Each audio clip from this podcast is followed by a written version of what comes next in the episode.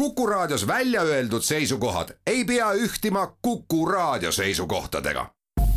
Te kuulate Kuku Raadiot.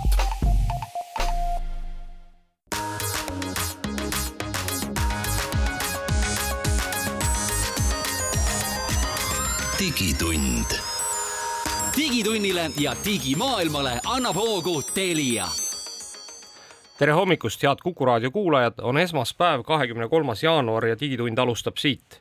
stuudios on meil Mait Tahvenau, Indrek Vaheoja ja Andrus Raudsalu ja saate teises pooles liitub meiega ka Telia tehnoloogia direktor Andre Visse, kellega me räägime 3G väljalülitamisest ja siis sellest 5G nirvaanast, mis saabub meile peale seda. aga alustame siis äh, tavalistest uudistest. möödunud nädal äh, tõi meile Äh, päris palju uudiseid Twitteri maailmast, et me ausalt öeldes mul on tunne, et me ei ole vist umbes kaks nädalat äh, isegi Elon Muskist sõnagi rääkinud, et. vaata, äh, Maidul juba tõuseb kõrvadest auru natukene selle sõna Twitter peale. aga pole midagi. tõeline tehnoloogia valdkond, eks. Pole no, midagi, las kütab natukene veel tuba soojemaks midagi pole teha, aga Twitter on ikkagi üks noh, ma ei tea, kui, kui nüüd siis jah, kõrgtehnoloogiliseks seda saab nimetada, aga vähemalt üks vidin, mida nagu Äh, ikkagi maailmas väga paljud inimesed kasutavad ja, ja mille peale on ikkagi üles ehitatud ka väga palju ärimudeleid ja üks siis ärimudel sai möödunud nädalal kõva hoobi, nimelt äh, siis Twitter äh, ühel hetkel lihtsalt keeras kinni siis oma API päringud ehk ehk sisuliselt siis kõik need Twitteri nii-öelda kolmanda partei kliendid, kes olid siis tehtud selleks, et noh, ma ei tea, seal Twitterit kas mõnusama interface'iga kuidagi äh, Äh, kasutada või noh, mõned olid ka sellised, et noh, professionaalsetele kasutajatele, kus sa said mit-, mitme Twitteri kontoga korra, korraga olla sisse logitud ja siis nende vahel seal copy ida ja paste ida ja teha igasuguseid muid trikke, siis äh, suurem osa nendest kõik äh, lõpetasid toimimise. Ja, ja see toimus nagu suhteliselt üleöö, nii et, nii et keegi alguses isegi ei saanud aru, et mis on lahti, noh, ühel hetkel küll siis Twitter teatas, et et neil on olnud ammu juba reeglid, mida siis enamus neid arendajaid on justkui äh, eiranud ja, ja, ja nüüd nad siis otsustasid oma reegleid äh, hakata siis äh, nii-öelda jõuga ellu viima ja, ja, ja selle tõttu need äh, kliendid kinni keerati, kuigi nüüd jällegi, et, et kui siin nagu inimesed on uurinud seda, siis osad nendest reeglitest justkui tekkisid nagu peale seda kinnikeeramist sinna, äh, sinna Twitteri reeglistikku, nii et noh, ütleme, et mine võta kinni, noh, mul on ikkagi tunne selles, et eks need Twitteri kolmanda partei kliendid on Elon Muskil kogu aeg olnud pinnuks silmas, sellepärast et seal ju ei näidata neid reklaame, mida näidatakse Twitteri päris kliendis see on selles mõttes noh, muidugi ma arvan, et igas valdkonnas leidub niisuguseid olukordi, kus sul täna on üks asi, millega me oleme harjunud, eks ju, homme keegi otsustab, et see ei ole, enamasti on sellel mõnus ülemineku aeg, aga noh, nüüd sõltub, eks ju, et noh, nii Twitter otsustas seekord väga jõuga, tõmbas juhtme välja ja ütles, et noh, tore küll, et te olete oma elu või kogu nagu teenuse selle peale rajanud, et te saate Twitteri API-sid kasutada no ehitades siis oma interface'i või integreerida Twitteri mingisse kohta või teinud mõnusa Twitteri kliendi telefonile või kuhu iganes, eks neid use case'e on ju palju aga lihtsalt keegi otsustas ja, ja nüüd teil seda elu enam ei ole seal. no Musk ei ole ju selles mõttes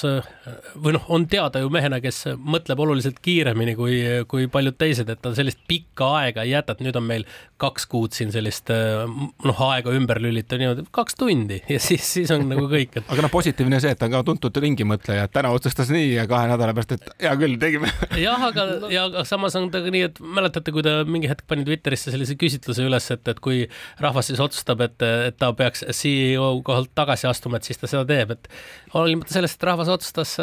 noh, ta mõtles ikkagi ringi võib-olla seal, võib-olla seal ikkagi põhjus selles, et ei ole kedagi teist leidnud, kes no, sellele kohale tahaks astuda tema asemel. no aga selge on see, et igasuguse asja arendamisel või igasuguse strateegilise suuna valimisel näiteks otsus teha integratsioon Twitteriga, see on ikkagi teatud mõttes strateegiline risk ja, ja selle sa võtsid ja, ja noh, nii see realiseerus, ega no, sellega see elu on, et noh, kurb ja õudne, aga nii on. minu arust, minu arust see ikkagi näitab ka seda, et kuidas üldse need suured platvormid eh, maailma mõjutavad või noh, tegelikult kõiki meediat, et ütleme nii, et ühegi siis selle suure platvormi peale ikkagi oma noh, nagu ma ei tea, elutööd üles ehitada on nagu natuke kahtlane, sellepärast et sa kunagi ei tea, mis uued reeglid võivad tulla. munad tuleb ikka mitmes korvis hoida, eks, mitte ainult ühes. tead, ega see niisama lihtne ei ole, noh, selles mõttes, et Facebooki arendajad kõik ju teavad, et noh, kes õigemini mitte siis Facebooki enda arendajad, vaid need, kes integreerivad oma teenuseid, noh, teavad väga hästi, et nendega API näiteks dokumentatsioon võib muutuda üleöö või noh, dokumentatsioon ei jõua järgi arendusele ja väga palju ebamugavusi on. aga katsu see mööda vaadata, see on kõige suurem suhtlusplatvorm üldse täna, sa tahad ju olla seal kuidagi esindatud ja sa nutad ja teed, eks ju. teine näide, te tahate e-poodi teha, noh, kas sa teed nüüd oma butiigi, kui loodad, et kasutajad tulevad või sa näiteks oled valinud maailma suurima siis kaubanduskeskuse nimega Amazon, teed oma poe sinna ja noh, midagi teha ei ole, kaubanduskeskus otsustab, et noh. Nende reeglite järgi, eks ju. jah, et selles mm -hmm. mõttes nagu me kõik oleme, aga ühiskond on teatud mõttes risk, tulevad kokku, koputavad haamriga kolm korda ja olukord muutub, et see, see on nagu, see ongi ühiskonna nagu alustala, et, et noh, midagi teha pole, see on alati kellegi käes. midagi ei ole kindel, see on ühiskonna alustala no kas nüüd nii, aga, aga, aga nad saavad aru, mis ma mõtlen, eks ju. ja, ja ei, ma olen sinuga nõus äh, teatavas plaanis, aga lähme korra veel Twitteri juurde tagasi sealt äh, ühiskonna üldiste probleemide juurest, et et ei tundu, et veel hetkel oleks suutnud Musk teha siis Twitteris sellist äh, ümberpööret, et äh, nagu justkui tundub, et see allakäik jätkub, et äh, siin on raporteeritud seda, et Twitteri päevakäibed siis on langenud võrreldes eelmise aastaga, noh, eelmine aasta ei olnud nüüd ka ju mingisugune teab mis nagu superaasta on ju, on eelmise aastaga ikkagi langenud umbes viiskümmend protsenti ja ütleme, et umbes viissada siis top reklaamijat on Twitterist tänaseks kadunud noh, kuigi nüüd äh, Twitter lansseeris oma ka Twitter Blue aastatellimused, äh, mis on siis kaheksakümmend neli dollarit vist, kui ma ei eksi. Äh, ja noh, ütleme, et juhul, kui sa siis need Twitteri saidilt ostad, et iOS-is on nad umbes nelikümmend protsenti kallimad, noh ilmselt siis Apple Taxi tõttu aga, aga ka meediasaidid on siis äh, üle maailma kurtnud seda ja eriti Ameerikas, et äh, Twitterist saabuv äh, siis liiklus nende saitidele on oluliselt alanenud ja on see siis noh, kuskil seal kümne kuni kahekümne protsendi juures on see Twitterist saabuv liiklus alanenud, noh, seal on jällegi, et et seda võib-olla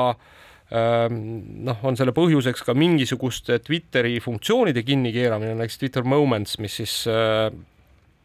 detsembris kinni keerati, et, et noh, võib-olla see on üks põhjuseks, mida arvatakse, aga aga noh, võib-olla see näitab ka üldiselt seda Twitteri olukorda, et kui ikkagi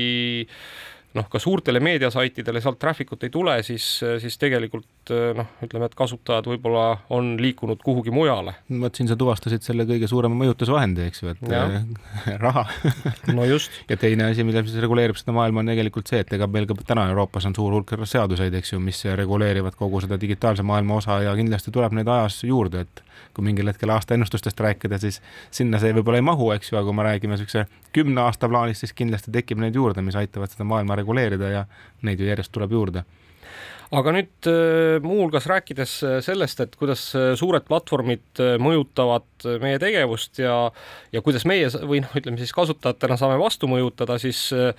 Youtube'is on päris selline huvitav kaasus, et nimelt novembrikuus möödunud aastal nad siis teatasid, et nad kavatsevad hakata tsenseerima kõiki, kõiki neid kasutajaid, kes on ebatsensuursed siis no, esimese, esimese viieteist sekundi jooksul ja, oma klippides. roppe sõnu oma klippides ja mitte siis nad ainult ei teatanud, vaid nad hakkasid seda ka tagasiulatuvalt tegema. et, et põhimõtteliselt, kui sul olid näiteks ütleme viie-kuue aasta vanused sellised videod, mis sulle igapäevaselt garanteerisid siis äh, noh, raha sisse, eks ole, reklaamitulu, siis kui sa olid oma esimestel sekunditel sealt kõik oma sarvilised ja karvased äh, väljendid välja lasknud, siis selgus, et nüüd needsamad videod ikkagi enam raha sulle sisse ei too. just, ja see tsenseerimine tähendaski tegelikult seda, et mitte neid ei võetud maha, vaid äh, sinna ei näidatud reklaame, isegi ma ei ole muuseas kindel, et võib-olla näidati reklaame, aga igatahes see nii-öelda video autor seda reklaamiraha enam e-, e-, enda kätte ei saanud, nii nagu see muidu Youtube'is kombeks on. nüüd on siis. no neid, neid ei näidatud ka enam äh, nii palju jah, no, neid ei näidatud, see no limiteeriti ja kui neid ei näidata, siis on ka loogiline, et sealt ka seda reklaamikäivet äh, nagu enam ei, ei, ei garanteerita aga nüüd siis ikkagi noh, ütleme, et äh, nende loetud kuude jooksul on siis toimunud äh, selline noh, ütleme, et sisemine ülestõus, kus siis äh, kõik need videotegijad on siis ikkagi kõvasti kaevanud. Ja, ja tõepoolest Youtube on siis teatanud, et ta on sunnitud oma äh, siis äh, poliitika ümber vaatama ja noh, päris ausalt öeldes vaadates neid avaldusi, päris naljakas, et, et noh, et, et siis on, on noh, osad sõnad siis, mis vanasti loeti ebatsensuurseteks, on nüüd siis loetud lubatuteks. Need näiteks. on sõnad on hell ja damn näiteks, eks ju. aga noh, näiteks äh, sõnad S kolm tärni ja F3 tärni on jätkuvalt äh, tsensuursed, ebatsensuursed, tähendab, vabandust, ja ja kusjuures, kui vanasti oli siis nii, et äh, olid ka siis ebatsensuursete sõnade erinevad äh, astmed, siis äh, nüüd on nad siis pandud kõik ühte potti ja noh, lisaks on veel see, et, et kui siis vanasti või noh, ütleme selles esimeses versioonis vaadati siis viiteist sekundit video algusest, siis nüüd äh, on ainult seitse sekundit see, mis peab olema nagu noh, niisugune briljantselt puhas. no asja point on äh, muidugi selles, et siis nooremat rahvast, lapsi ennekõike kaitsta selliste võimalike ropendamiste ja, ja ebatsensuursete väljendite eest, eks ole, et siis esimesed seitse sekundit äh, puhast aega juba noh, et siis,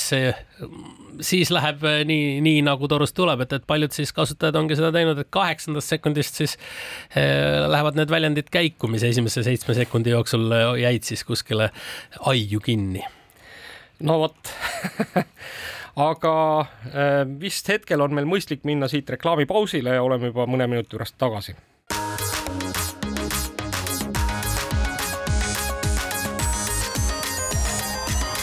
digitund. digitunnile ja digimaailmale annab hoogu Telia digitund jätkab äh, möödunud nädala digiuudiste vahendamist, stuudios on Mait Tafenau, Indrek Vaheoja ja Andrus Raudsalu. ja mulle tundub, et äh, vist selle aasta põhiteema noh, kui sa Mait võib-olla tahad vaielda, et, et äkki on Elon Musk on ju, siis ei ole, et selle aasta põhiteema on siiski äh, mulle tundub tehisintellekt ja tehisintellekti maailmast ikkagi tuleb uudiseid ausalt öeldes äh, igal nädalal nii palju, et me tõenäoliselt kõike kunagi teile ka vahendada ei jõua, aga aga möödunud nädalal tuli üks väga põnev uudis, nimelt siis Getty Images, mis on äh, maailma äh, juhtiv pildipank äh, kaebas siis kohtusse Stability ai ehk see on Stability ai on siis äh, äh, tuntud äh, tekstist pildijoonistaja Stable Diffusioni äh, looja. Ja nüüd Stable Diffusionit kõikidest teistest äh, nendest pildiloomingu programmidest eristab siis see, et Stable ai on väga selgelt ja avalikult öelnud, et mis on siis see andmemassiiv, mille peal ta oma Stable äh, Diffusionit on ehitanud või õpetanud. Nii et, nii et noh, ütleme, et, et, et seal siis põhimõtteliselt äh, Getty Images ikkagi näeb, et on kasutatud äh, äh, noh, osaliselt siis nende nii-öelda hal- halduses olevat intellektuaalomandit ja, ja, ja noh, selle tõttu nad siis tahaksid äh, tahaksid ka siis saada, õigemini, õigemini siis tahaksid äh, selle sealt kõrvaldada. oota, mis see siis põhiline point on, et käisin sinu muuseumis, nägin pilte, sain inspiratsiooni ja ei tohi seda inspiratsiooni kasutada või? no vaata, seal ei ole niimoodi ainult, et, et ma käisin su muuseumis ja sain inspiratsiooni, vaid käisin sinu muuseumis, pildistasin kõik pildid ülesse ja osadel piltidel äh, minu ai kasutab isegi seda vesimärki, sinu vesimärki, mis sa oled oma piltidele peale pannud, need on minu muuseumi pildid, et päris mitmetel äh, siis äh, äh, nendel piltidel on Getty Image'i vesimärk on täiesti Just. ka siukene nagu natukene muudetud ja siuksel veidral kujul peal. inimesed, kellel on hea pildiline mälu, et ühesõnaga või fotograafiline mälu, siis olge ettevaatlikud, ka teie olete samas ohus. ei no mi- mitte, mitte selles mõttes, et noh, ikkagi jah, sellisel juhul küll, et kui te siis nagu noh, ma ei tea, joonistate, joonistate pildi ja kirjutate sinna peale ka Get- Getty Images või noh, siis ütleme, et seal on igasuguseid veidrusi, et on Getty Images kirjutatud ka kahe E-ga ja nii edasi no ja seal on siuksed noh, natukene hägusaid, hägusaid moonutusi selle juures, aga sealt noh, on konkreetselt aru saada, et see on just selle pildi pealt õpitud, no kui nüüd tõsiselt rääkida, me saame kõik ju aru, eks, et see masina õppimise paha lugu ongi selles, et ega tal ei ole seda nagu hea ja halva tunnetust võib-olla sellist, et ta ei saa aru. tema jaoks on infol ei ole vahet, eks ju kelle oma see on. jah, jah, et see on see probleem tegelikult, et võib juhtuda tõesti, et ta kogemata siis äh, väärkasutab ja tulemus on see, mida tegelikult siis me hea tavana tegelikult ei teeks, eks. nii, aga teine tore äh, tehisintellekti uudis on, on niisugune natuke eksperimentaalne veel, et siis üks äh, arendaja nimega Meit Marchalko siis äh, paaritas GPT kolme, mis on siis teadupärast hetkel üks äh, juhtivaid siis äh, äh, tekstipõhiseid äh, tehisintellekti mootoreid Apple'i Siriga ja noh, ütleme, et et kui täna see Siri on ikkagi suhteliselt selline noh, kuidas ma ütlen, kuiviklik ja, ja üsna vähestest käskudest arusaав äh, abiline, siis, siis noh, ütleme, et et ta siis demonstreeris näiteks äh, videos seda, kuidas äh, ta istub oma arvuti taga ja räägib siis äh, oma siis Assistendiga? assistendiga jah, kellele ta ütleb, et näed, et istun siin arvuti taga ja üritan siin midagi teha, aga tuba on jube pime, et mis nüüd tegema peaks, onju mille peale assistent ütleb, paneme tuled põlema, onju. ja mitte ainult ei ütle, vaid panebki- tuled põlema, onju. aga sealjuures oli veel selliseid lahedaid võimalusi, mis saavad tekkida, eks ole, et no ütleme, sa saadad oma eh, lapse siis eh, tema oma tuppa, et ta loeks veel enne magamaminekut kakskümmend minutit, noh, mingit kirjandust, eks ole, raamatut ja siis sa ütled oma assistendile, et kahekümne minuti pärast kustuta tuled ära ja ongi kõik, eks. et noh, selliseid võimalusi tekib ka juurde. ehk noh, loodame, et loodame, et see nagu äh, noh, see, see, see kuidagi nagu eksperimentaalne siis äh, abielu ikkagi kiire, kiiremas korras muutub nagu päriseks, et, et, et Apple võib-olla saab inspiratsiooni ja siis nii nagu tegelikult ka kõik teised, eks äh, suured tegijad täna maailmas on, räägivad sellest, kui palju nad ikkagi kõikvõimalikku, noh, eriti just selliseid chat GPT laadseid äh, tehnoloogiaid tahaks siis oma uutesse toodetesse lisada. ütleks selle kohta niimoodi, et ma ei ole tehnoloogia maailmas näinud nii suurt elevust ikka nagu väga pikka aega, kui palju see chat GPT ja kõik see piltide genereerimine ja ka see pool on tekitanud, et, et noh, siit on kindlasti tulemas, mis siit tulemas on, seda ei suuda veel täna öelda keegi. kõik katsetavad, on see siis meie targem assistent, on see parem otsimootor, on see hoopis meie siis eestprogrammeerija või, või raamatut kirjutav tegelane, aga mi- mis midagi suurt sealt igal juhul sellest ja, jah, kõik, kõik kusjuures, kusjuures kõik need asjad, ma arvan. no aga üks sihuke natukene anekdootlik lugu veel ka sellisest äh, programmist nagu Midjourney, mis siis samamoodi äh, teeb pilte sinu tekstist, mis on talle ette andnud ja, ja see on hädas äh, nüüd selliste realistlike inimeste loomisega selles osas, et ta ei loe sõrmi ja hambaid, et, et tal ei ole nagu tema jaoks, ta ei tea seda, et inimeste puhul on suhteliselt konstantne see, eks ole, et kolmkümmend kaks hammast ja kümme sõrme, vaid äh, see ai paneb nii palju, kui mahub. kui on suur suu ja laialt naeratus, no siis pannakse hambaid nii palju, kui mahub ja sõrmedega suhteliselt sarnane lugu, et, et selliseid naljakaid ja anekdootlikke pilte on veebis küll, kus inimestel on siis ühel käel kaheksa sõrme ja, ja, ja noh, suus on ikkagi sahtel särab, sest et neid hambaid on tõesti nii palju. kui te vaatate multifilme, seal on samamoodi ju kunstnik joonistas nii palju sõrmi kui mahtus ja palju tavaliselt animeeritud tegelastel on sõrmi? kolm. kolm-neli, eks ole, kuidas kunagi oleneb. jah, oleneb, kes pöialga mahtus, eks ju sinna kõrvale, eks ju, aga just. vahele ei mahtunud sedagi. kuulge, aga kuulge, aga ühe, ühe kiire asja ma tahaks veel vahele öelda, et, et ennem kui me läheme siit, ma arvan, et Apple'i toodete juurde, on see, et mida tasub silmas pidada, on siis ai twenty one labs äh, Iisraelist on siis äh, toonud turule äh, sellised noh, ütleme siis chat GPT derivaadi, mis mitte äh, äh, noh, nii-öelda ei kirjuta teie eest valmis, noh, ma ei tea, mingisugust teksti, vaid kui te kirjutate teksti, siis aitab teid hoopis selles, et pakub paremaid sõnastusi mingitele lausetele ja, ja juhul, kui siis on tegu mingite faktidega, siis ta otsib kohe kiirelt internetist äh, noh, Tõestust, mingisuguseid äh, jah, nii-öelda tõestusi nendele faktidele, mingisuguseid numbrilisi tagapõhju ja nii edasi. et äh, selle nimi on siis Word Tune Spices, nii et äh,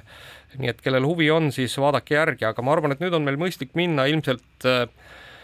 Apple'i tooteuudiste juurde, et äh, väga ebaäplilikult äh, lihtsalt saabus eelmisel nädalal noh, niisugune video,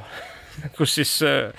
kuulutati välja uued Macid, kuulutati välja uued Apple'i protsessorid, kuulutati välja uus HomePod. Neid oodati ju väga pikka aega ja ei tulnud ja ei tulnud ja, ja kogu aeg mõeldi, et kas ma pean ikka nüüd edasi lükkama oma ostu või mitte, eks aga noh, ikkagi tulid uued välja ja on, on uuendusi küll, aga, aga võib-olla nagu noh, kõik jälle ootavad ja et see hüppaks jälle kümme korda, et noh, tegelikult see nii palju ei ole, aga ta ikkagi nagu arvestatav, öeldakse jämedalt umbes kakskümmend protsenti võiks olla ta kiirem. et eh, mis siis muutus, füüsilised mõõdud neljateist ja kuueteist tollisel arvutil on täpselt samasugused, on ta endiselt küllalt niisugune kobakas, ei ole niisugune õhuke, nagu need vahepeal arvutid läksid. Tuli protsessoril natuke tuumasid juurde, et kui ennem oli valida kümne ja kaheteistkümne vahel, siis on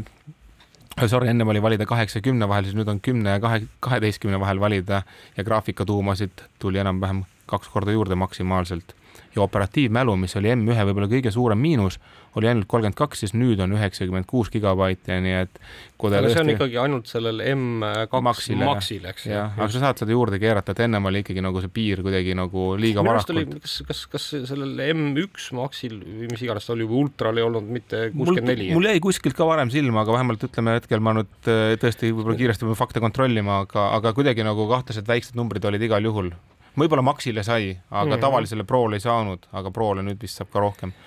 nüüd võime selle kiiresti korra ära valideerida. no ütleme, et ma arvan, ma arvan, mis on, mis on äge, on see, et äh, tuleb välja ka siis äh, Mac Mini, mis on siis M2 protsessoriga ja mida saab siis ka nende kangemate M2 protsessoritega tellida, noh, mis tähendab seda, et teil on tegelikult võimalik noh, väga väikeses sellises öö, siis korpuses endale koju ikkagi päris korralik võimas arvuti panna, noh, mis ei, kuidagi ei riiva silma, eks, ja mida saab korralikult mööbli sisse ära peita, nii et nii et see oli, ma arvan, päris tore ja, ja noh, ütleme, et et ka HomePod iseenesest noh, mis on siis toode, mis ju tegelikult Apple kaks aastat tagasi, mille tootmise lõpetas, noh, ilmselt ka sellepärast, et ta oli liiga kallis, sest ma, kui ma õigesti mäletan, siis ta maksis umbes viissada dollarit või midagi sellist, et, et, et nüüd on siis hind langenud umbes kahesaja dollari võrra. Ja noh, eks ta Euroopa hinnad saavad olema tõenäoliselt samas suurusjärgus, et siis umbes kolmsada eurot hakkab ilmselt maksma see HomePod ja, ja mis on tore, on seal sees on nüüd ka siis äh,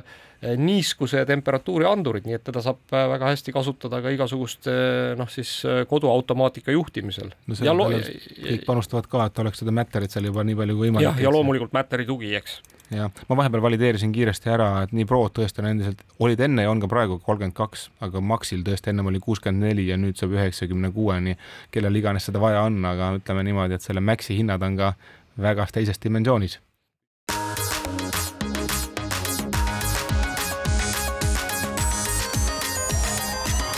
digitund. digitunnile ja digimaailmale annab hoogu Telia. digitunni teine poolaeg on eetris, stuudios on Mait Tafenau, Indrek Vaheoja ja Andrus Raudsalu ja nüüd on meiega liitunud ka Andre Visse, Telia tehnoloogiadirektor. Andre, aitäh sulle selle eest, et Telia on vastutustundlik, mitte nagu Elon Musk, kes keerab asjad kinni kahe tunniga et me vaatasin, vaatasin järgi, et me rääkisime tegelikult 3G Äh, siis äh, lahkumisest siit meie, meie maailmast äh, juba eelmisel aastal. kahekümne viiendal aprillil. aprillikuus just nimelt. ja nüüd siis möödunud nädalal tegelikult on uuesti tõusnud see justkui nagu avalikus huviorbiiti nii et see 3G kinnipanemine hakkab nüüd meieni jõudma päriselt, on vist nii? ja tere kõigile Äh, tõesti hakkab äh, vaikselt nüüd see aeg siis kohale jõudma, kus me tõesti sulgema hakkame seda 3G võrku ja aasta lõpuks on plaan siis tõesti 3G võrk Telial täielikult sulgeda. me teeme seda regioonide kaupa, alustame Läänemaast, Läänemaa võrk on plaanis sulgeda siis juba veebruari lõpus. Läheme sealt edasi Pärnu ja Raplamaaga, äh, mis on siis märtsi lõpus, aprilli lõpus Harjumaa, mais Tallinn sealt edasi Ida, Lääne, Virumaa, Hiiumaa ja Saaremaa, mis jääb siis septembrisse, oktoobris Viljandimaa, Jõgevamaa ja Järvamaa ja lõpetame siis Tartu, Valga, Võru ja, ja Põlvamaaga ja see jääb siis äh, novembri lõppu. nii et tõesti, aasta lõpuks saab siis kogu 3G võrk äh, Telial suletud Eestis kas siin on mingi alus järeldada ka seda, et ütleme, Läänemaal on palju inimesi, kellel on nagu natuke rohkem jõukust, nendel on uuemad telefonid ja Kagu-Eestis on siis kõige rohkem sellist, ütleme niimoodi, vanakooli nuputelefoni alles inimestel? jah, eks seal on võrguarenduslikult eh, erinevad aspektid, mida me arvestame, aga üks eh, olulisi aspekte on tõesti see, et kui palju 3G liiklust või, või võrguliiklust siis meil erinevates regioonides täna veel kasutusel on ja, ja kõige vähem on seda Läänemaal ja kõige rohkem tõesti Kagu-Eestis. nii et, et sellest ka see järjekord. aga noh, alustuseks peab ütlema, et tegelikult kui me räägime andmesideliiklusest siis, siis üheksakümmend üheksa protsenti andmesideliiklusest täna juba on 4G, 5G võrkudel ja, ja andmesideliiklust me tõesti 3G-s praktiliselt enam ei näe. kui me räägime kõnesidest, siis kõnesidest circa niisugune kolmkümmend protsenti on veel 3G ja 2G võrkudel, äh, millega me siis äh, peame hakkama saama kuule, aga ma tahaks kohe kõige kuumema müüdi nüüd selle 3G asja juures laua peale võtta, et mis siis ikkagi nendest vanadest telefonidest saab, et tuletame selle kõigile meelde, et kui mul on vana telefon, millel nüüd 3G läheb kinni, kas ma siis saan sellega helistada või ma ei saa sellega helistada?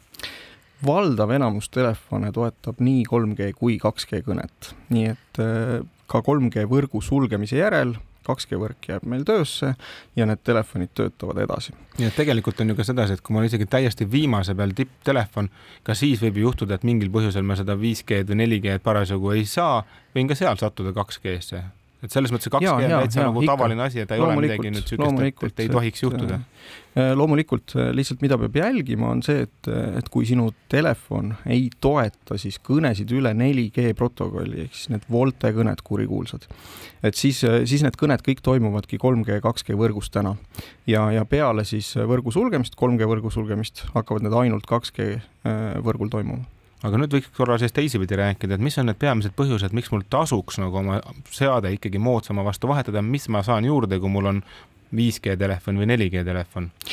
No alustame siis sellest, et me räägime tegelikult täna ju kakskümmend aastat ja kolmkümmend aastat vanadest tehnoloogiatest, on ju, et 3G tõime turule circa kakskümmend aastat tagasi, 2G juba kolmkümmend aastat tagasi. et need tehnoloogiad on võrdlemisi vanad ja loomulikult me ei suuda garanteerida sama head kvaliteeti, ei kõneside kvaliteeti, rääkimata siis andmesidest nendel vanadel tehnoloogiatel, kui siis uutel. Uued tehnoloogiad efektiivsemad, toimepidevamad, kvaliteetsemad, ehk siis tasub kindlasti ju noh, me ei taha ka tekitada enda klientidele siis seda olukorda, kus me tegelikult äh, kakskümmend aastat vana tehnoloogia sulgemisega suuname nad kolmkümmend aastat vanale tehnoloogiale, vaid me ikkagi tahaksime neid suunata parematele, uuematele äh, tehnoloogiatele. kas ma kujutan ette, aga kas mulle tundub, et lisaks sellele kõrgemale helikvaliteedile, mulle tundub, et see kõnede kuidagi connect imise aeg on ka lühem või? Kõnede jah, ühendamise aeg on oluliselt lühem äh, Volte puhul kui 3G, 2G võrgus. Ja lisaks kõne kvaliteet on oluliselt parem, jah.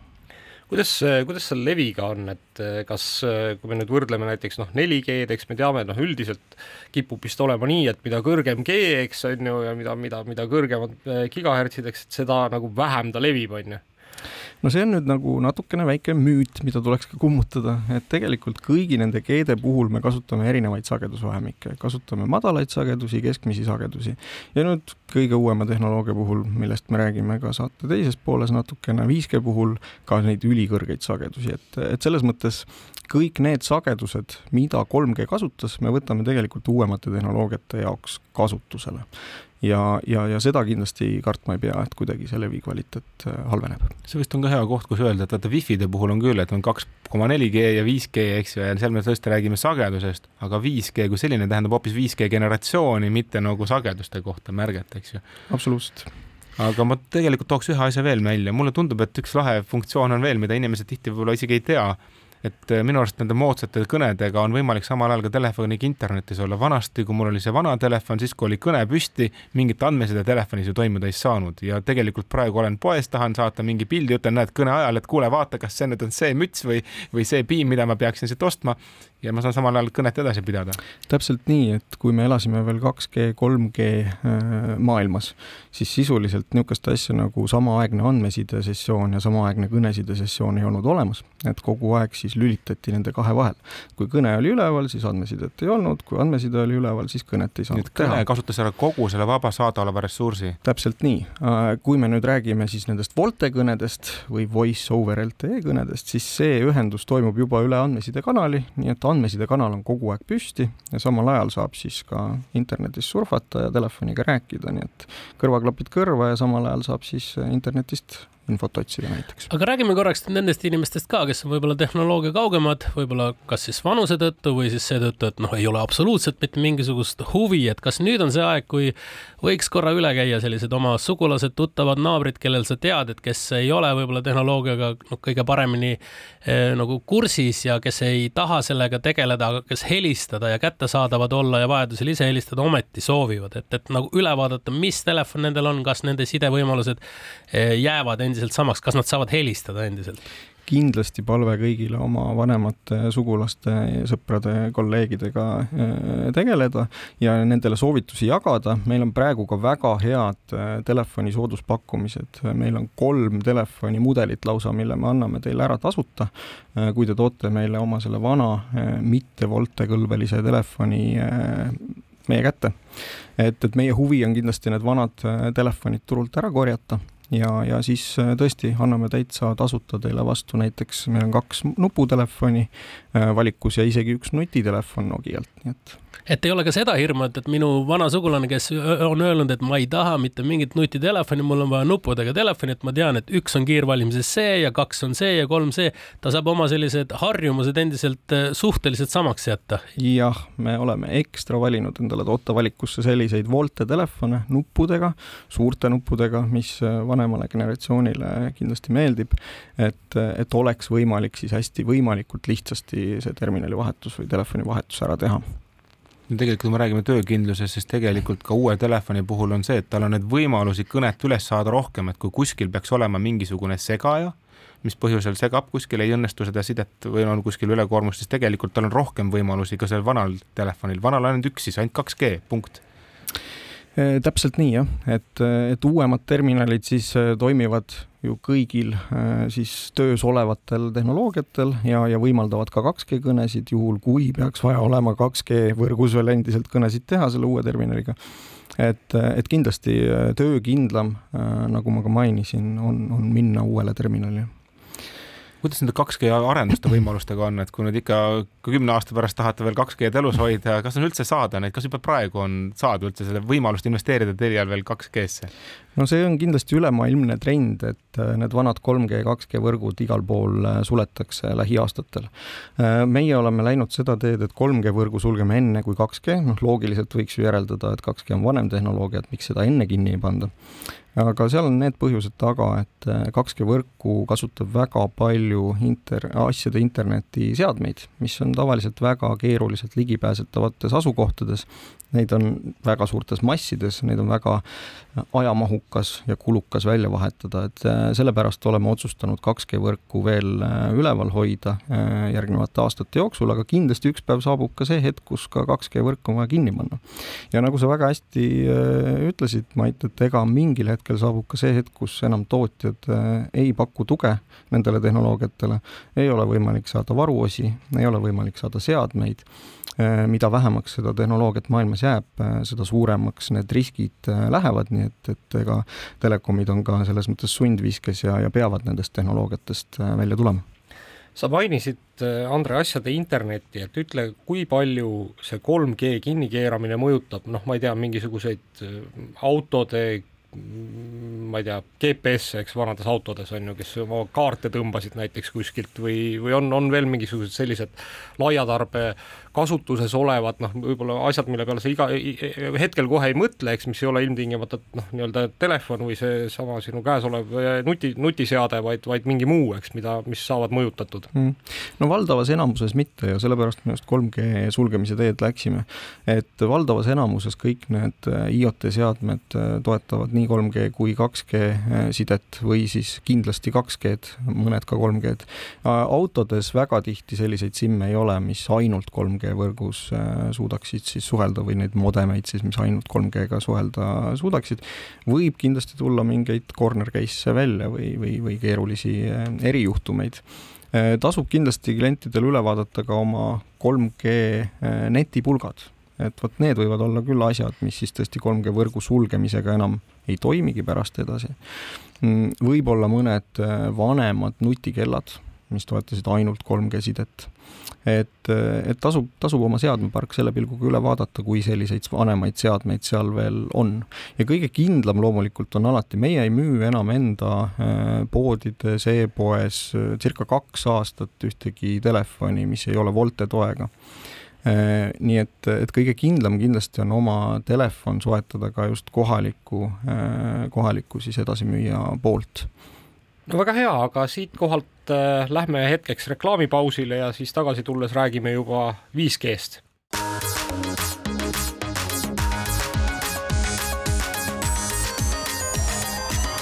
digitund. digitunnile ja digimaailmale annab hoogu Telia digitunni viimane veerand on eetris, meil on külas Telia tehnoloogiadirektor Andre Visse ja stuudios on ikka Indrek Vaheoja, Mait Tahvenau ja Andrus Raudsalu. ja me jätkame kohe sellesama 5G ja 3G sulgemise teemal, eks ju, ja 5G avamisega. et üks oluline asi, millest tahaks kohe pikemalt nüüd rääkida, on selles, et ma saan aru, et, et 5G telefonil ja 5G telefonil on tegelikult ikkagi nagu päris suur erinevus, et tundub, et lähen poodi, ostan endale suvalise 5G telefoni, vaatan, et sagedused klapivad, 5G on peal kirjas. aga ma saan aru, et ei ole niimoodi, et ma tulen sellega ja saan kohe 5G-d ka tarbida, et, et kuidas ma saan kindel olla, et minu 5G telefon üldse ühildub meie võrguga jaa, äh, väga õigele teemale juhid tähelepanu, et äh, nimelt on seadmetootjatel selline protsess nagu võrgupõhine sertifitseerimise protsess. ja iga kord, kui mõni uus võrk avatakse, näiteks antud juhul siis Telia avas oma 5G võrgu, noh, see juhtus tegelikult juba pea kaks aastat tagasi, kahe tuhande, üle kahe aasta tagasi, kahe tuhande kahekümnenda aasta novembris, siis, siis tegelikult kõigi seadmetootjatega tuli läbi teha sertifitseerimise protsess ja alles siis, kui seadmetootja on, on selle protsessi läbi teinud, avab ta selle 5G profiili just konkreetselt selles võrgus. nii et iga võrgu puhul on see tegelikult valik erinev, et kui võtta mõni 5G telefon näiteks, mis töötab täna meie võrgus, siis see ei pruugi äh, töötada teiste äh, kohalike telekomide võrgus, kuigi neil ka 5G võimekus on turul täitsa olemas. et lausa niimoodi, et kui, kui me tõesti võtame mõne telefoni, mis siis Telia võrgus on ilusti, ei pruugi ka täitsa meie Eesti, samas Eestimaas saad, Eestimaal saada nagu teise operaatori juures 5G-d täpselt nii. ja teine aspekt, mida siin tuleb ka veel jälgida, on see, et äh, kui te soetate oma, oma seadme siis väljapool Eestit, mõnest teisest regioonist, näiteks Ameerikast, kuskilt Aasiast, siis ei pruugigi seadmetootja, kuigi ta on täiesti 5G äh, toega telefon, äh, sagedused klapivad, kõik justkui spetsifikatsiooni järgi on korrektne, siis lihtsalt seadmetootja ei avagi 5G profiili selle konkreetse mudeli jaoks meie regioonis. nii et kindlasti tasub seadmeid ikkagi meie regioonist ja noh, soovitatavalt tegelikult ikkagi Eestist koha pealt äh, telekomide käest soetada, sellepärast et meie oleme konkreetselt need seadmemudelid läbi testinud, müüme ainult neid, mis kindlasti meie võrgus hästi toimivad. nüüd, kui sa tahad ikkagi päris kindel olla, siis kindlam on tulla Teliasse, kui ma olen Telia klient, siis ma ostan Telia käest selle telefoni ja ma tean, et Telia võrguga siis mul on vähemalt hästi. jah, see on kõige kindlam viis kindlasti, jah okay.. kas, kas see tähendab, et, et noh, näiteks sellised, ütleme, et et noh, mõnes mõttes nagu kultusliku järgjaskonnaga telefonid, mis Eestis on nagu vähe kasutatud, noh, ma ei tea, Google Pixel näiteks või, või noh, ma ei tea, kas, kas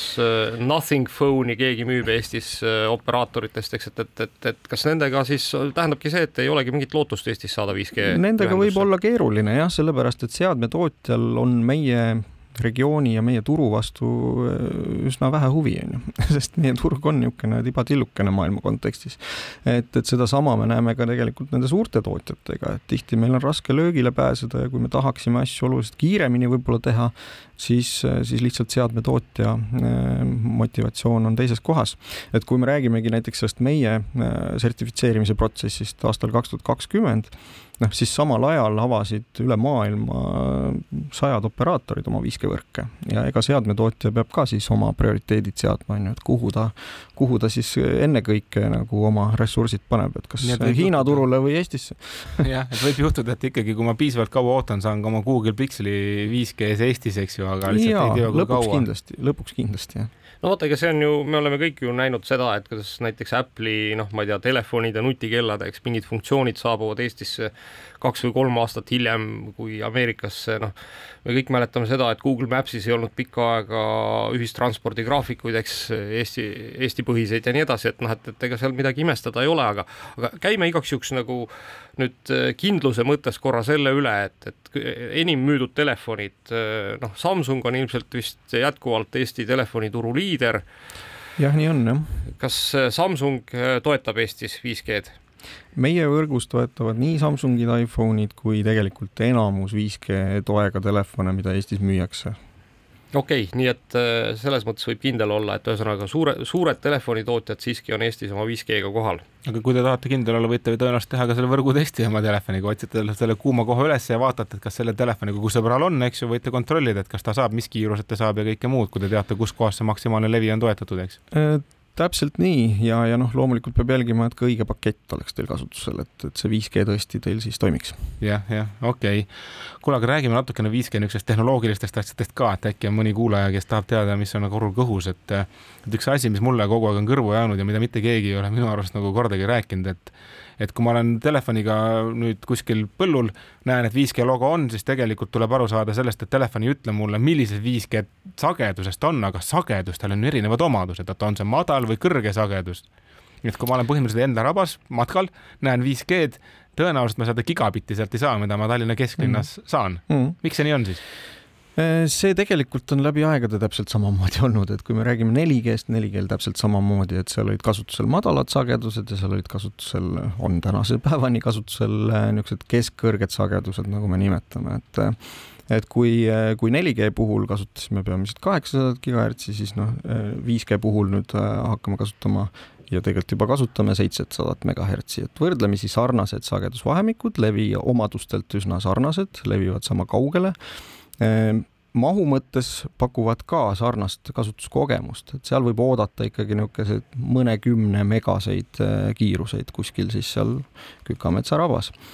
Ehm, kui me räägime keskmistest sagedusplokkidest, siis 5G eh, puhul on see see kolm koma viis gigahertsi, millest hästi palju räägiti ja, ja, ja, ja mille sagedusoksjoni venimist me siis siin kõik telekomidena Eesti turul ootasime pikka aega siis äh, seal sagedusvahemiku äh, levialas viibides võib äh, klient kogeda juba niisuguseid kuni gigabittini, võib-olla isegi kuni kahe gigabittini sekundis ulatuvaid kiiruseid. aga sellel leviala vist on natukene väiksem, nii et see leviala, leviala on tal oluliselt väiksem, aga leviala võib jällegi võrrelda niisuguse kahe koma kuue gigahertsi levialaga, mis siis, mida me kasutame 4G-s on ju. et, et selles mõttes need sagedusribad ja, ja nende võib-olla siis siis nagu niisugune leviulatus, ulatus on, on üsna sarnases kohas. ja nüüd lihtsalt 5G puhul, mis veel nagu täiendavalt tulemas on ja mille oksjonit ei ole ka Eestis veel olnud, on need ülikõrged äh, sagedusribad. ja see saab siis olema seal kahekümne kuue gigahertsi peal ja noh, selle leviomadused on nüüd tõesti niimoodi, et ta eeldab sisuliselt otsenähtavust, äh, kuna see sagedus on juba nii kõrge, siis noh, füüsikast teame, et, et see sagedus ei läbi väga hästi äh, ehitusmaterjale, järelikult noh, on vaja viibida kas äh, välises keskkonnas või siis kasutada väliantenni, mis siis selle signaali vastu võtab. soovitatavalt tõesti noh, et ei jääks ka selle äh, signaali teele siis mingeid takistusi, isegi ma ei tea, puid, kui nad on võib-olla talvel raagus, siis tuleb see signaal sealt läbi, aga lehed tulevad puule, siis, siis enam mitte aga põhimõtteliselt tõesti, kui sa oled kuskil nüüd metsas, vaatad, et pulgad on põhjas, 5G on olemas, siis tegelikult seda informatsiooni, et millises sageduses oled, seda sa tegelikult ju ei näe millegi muu kui ainult kiiruse järgi, millega sa andmed saad tõmmata jah, noh, selleks on ka erinevaid rakendusi võimalik endale telefoni tõmmata, mis näitab täpselt ära, millise äh, masti küljes te olete, millise sektori küljes te olete, millist sagedusvahemikku te kasutate, aga noh, see võib-olla on natukene liiga äh, tehnokraatlik. ma üldse tahan vahele küsida, et Mait, mis sa selle teadmisega teed, et, et sa, mis sa seal keset raba teed selle teadmisega? no aga tuleb tahtmine tõmmata alla, kõige viimane see, mis, mis mängud olid, mis Andrus mängis siin. aga sa ju näed, kas ta tuleb alla või ei tule alla, eks sellepärast, et sa veel lisaks kõigele sellele peaksid veel teadma, mitu teist kasutajat on sellesama no ta näeb ju oma gruppi ära, ta näeb seal oma gruppi ära, palju neil rabas on, eks, et palju neid teisi ostad metsamaja, vaatad, tehti pilt, pulgad on lõpus, keed on põhjas, eks ju, aga ei tulegi sinna ja ei hakkagi tulema, eks. aga räägime järgmisest asjast veel 5G-st, et, et millal 5G Eestis igal pool on, et ma saaks seda logo kogu aeg oma seal kella kõrval näha igal pool on väga-väga üldine mõiste, aga no ma arvan, et päris kes... igale poole ei jõua ilmselt äh, mitte kunagi, arvestades ida, meie, meie ida, Ida-Virumaa kaevandustesse ikkagi suhteliselt. ütleme niimoodi, et et, et kui nüüd rääkida 4G-st täna, noh siis võib küsida, et kas 4G on igal pool või ei ole.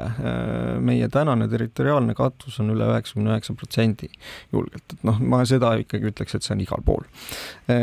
siis 5G sama kaugele jõuab järgmise paari aasta jooksul, ma arvan, et selle aastaga me jõuame juba seal levilt umbes üheksakümne protsendini äh, elanikkonnast, et äh, täna oleme juba üle viiekümne protsendi ja me ei arvesta kusjuures siia juurde veel seda madalsagedust just, Mait, mida sa ütlesid, et võib-olla see päris ei anna meile seda kasutuskogemust kätte, mida me 5G-lt alati ootaksime. et, äh, et kui see veel juurde panna, siis oleme juba täna seal niisugune seitse-kaheksakümne protsendi juures, et, et kindlasti üheksakümne protsendi peale aasta lõpuks enam-vähem jõuame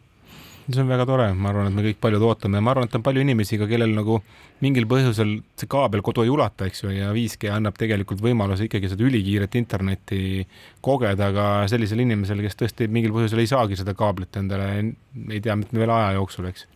jah, aga siin on ka hästi tähtis äh, alati üle rõhutada, et, et kui teil peaks olema äh, olukord, kus on levi kuidagi nõrk, võib-olla alati ei ole stabiilne, siis kindlasti tasub äh, meiega ühendust võtta ja endale väliantenn kasutusele võtta just nendes kodu internet üle õhu lahendusteks, et see oluliselt, esiteks see antenn on seal oluliselt suurem kui mingil kodusel ruuteril või tubasel ruuteril teiseks ta kasutab seda sagedusressurssi palju efektiivsemalt ja paremini ja see kasutuskogemus on oluliselt äh, parem, mida te saate. Kuule, aga ma küsin kohe, mul tekkis täiesti huvitav küsimus, et noh, ma tean siiski inimesi, ma ei, ma ei ole kindel, et nad on Telia kliendid, nad võib-olla mõne teise operaatori kliendid, kes noh, ütleme, et kuskil just seal äh, Võrumaa metsades, eks, ja mägede ja, ja, ja, ja järvekeste vahel, eks noh, mõni ikkagi läheb künka otsa, on ju, telefonikõnet tegema oma majast välja et kas, kas selle jaoks on ka mingisugune lahendus, et sa saad panna näiteks noh, ma ei tea, kas on mingisugune lahendus, et sa paned suure väliantenni, mis siis tegelikult noh, mitte ainult ei anna sulle internetti, vaid annab ka selle telefonikõne võimekuse? Äh, jah, enamus tänasi telefone ju oskavad äh, sellist protokolli nagu Vo Wi-Fi või Voice over Wi-Fi ja see ongi just selle jaoks mõeldud, et äh, te tekitate endale koduse internetikeskkonna Wi-Fi võrgu ja telefon oskab selles Wi-Fi võrgus ka siis helistada. lisaks sellele, et loomulikult andmeside on garanteeritud üle Wi-Fi võrgu. et jällegi meie võrgus juba mitmeid aastaid kasutusel ja, ja väga edukalt kasutusel lahendus, et jah, see Lõuna-Eesti kuppelmaastik ongi meie jaoks ja telkode jaoks kõige keerulisem, äh, sest äh, sealt otsenähtavust on väga keeruline saavutada antenniga. nii et seal tasub panna kindlasti mingi kõrgema äh, objekti otsa endale väliantenn, tekitada wifi võrk, kasutada Vo wifi kõnesid no aga väga hea, siit selle soovitusega me peame tänase saate kokku tõmbama, nii et kõik setud Lõuna-Eesti elanikud minge siis äh, Teliasse ja küsige endale seda antenni, mida te saate kuuse otsa panna ja siis sealt juba endale korraliku kõneside koju tuua. aitäh sulle, Andre, et äh, jagasid meiega siis äh, seda 5G tarkust ja ka seda 3G tarkust, mis meist lahkub ja kuulajatega juba kohtume järgmisel nädalal.